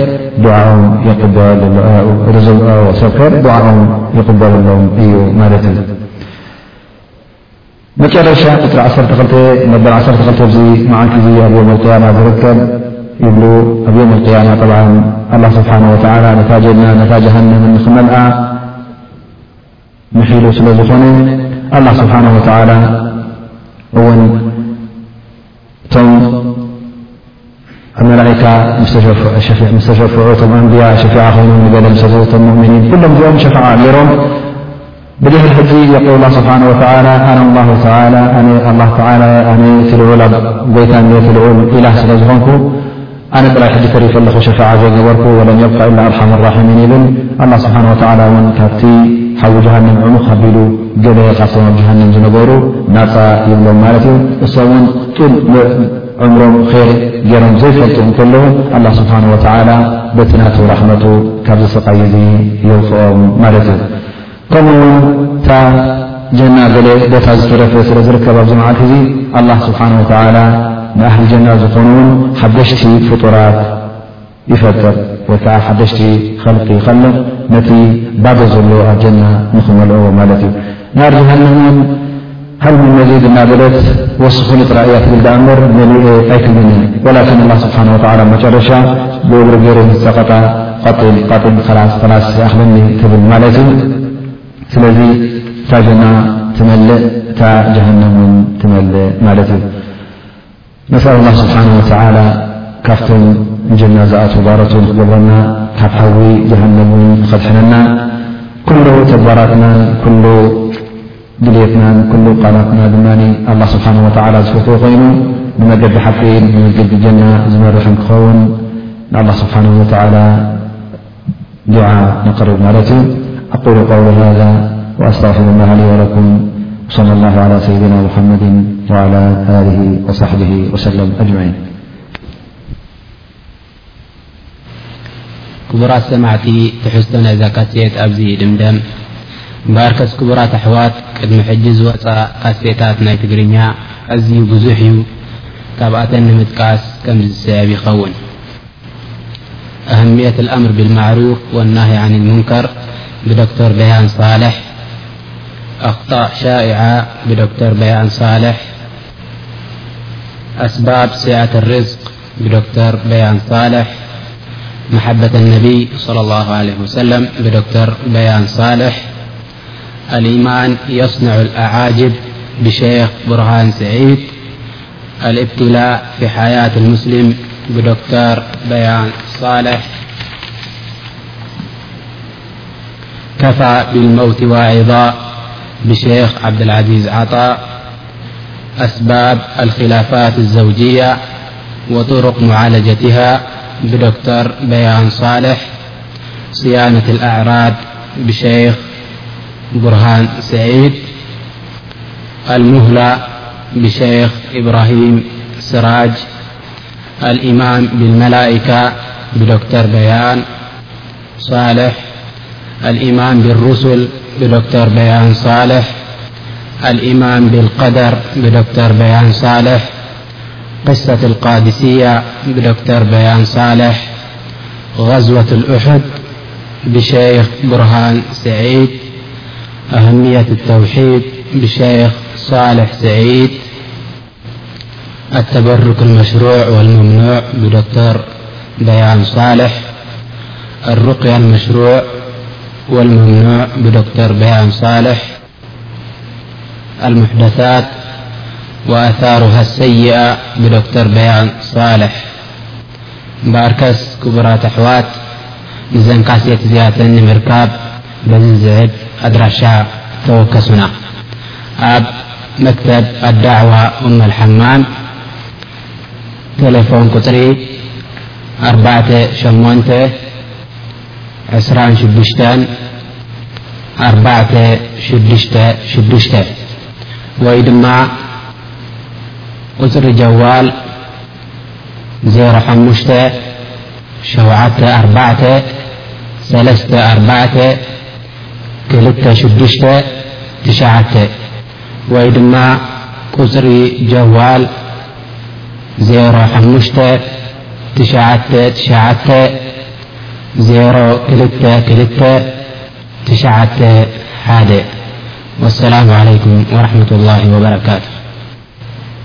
ክቡራት ሰማዕቲ ትሕዝቶ ናይዛ ካሴት ኣብዚ ስለ ዝውድእ በዛ እትስዕብ ኣርእስቲ ክንምልኣ ንፈቱ። ካብ ሽርኪ ርሒቖም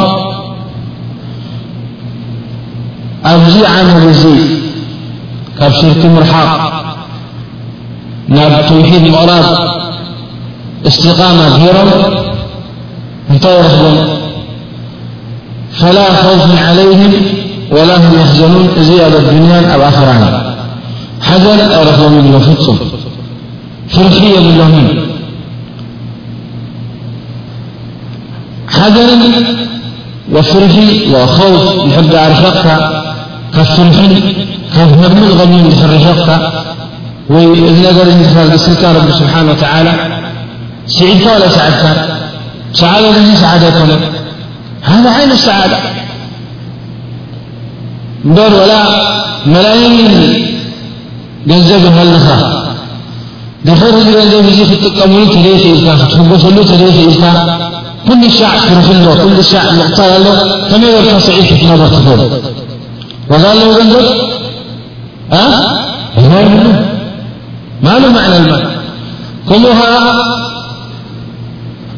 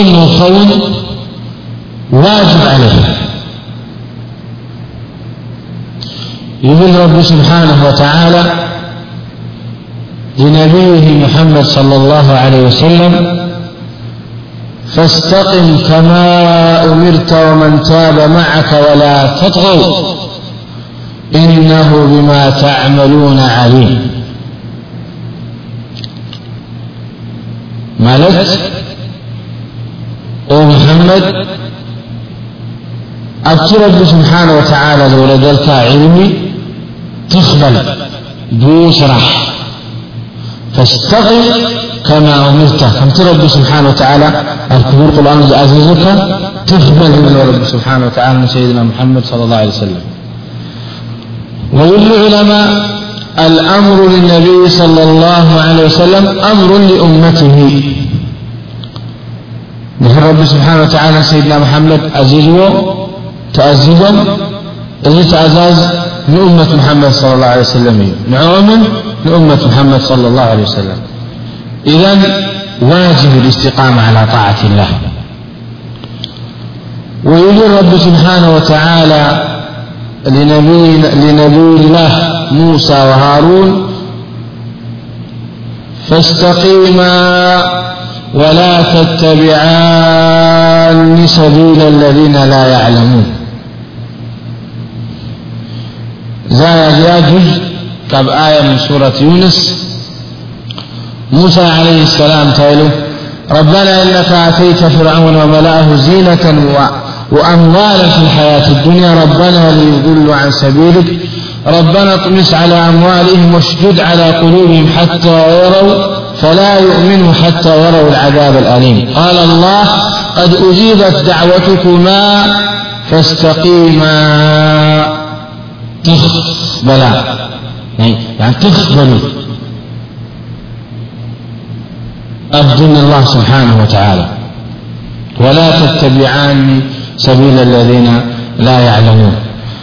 أبقال آيادما رب سبحانه وتعالى سيدنا محمد صلى الله علي سلمؤهم فلذلك فادعو واستقل كما أمرت ولا تتبع أهوائهم زيوين تؤززهم سيدنا محمد صلى الله عليه سلم من يد رب سبحانه وتعال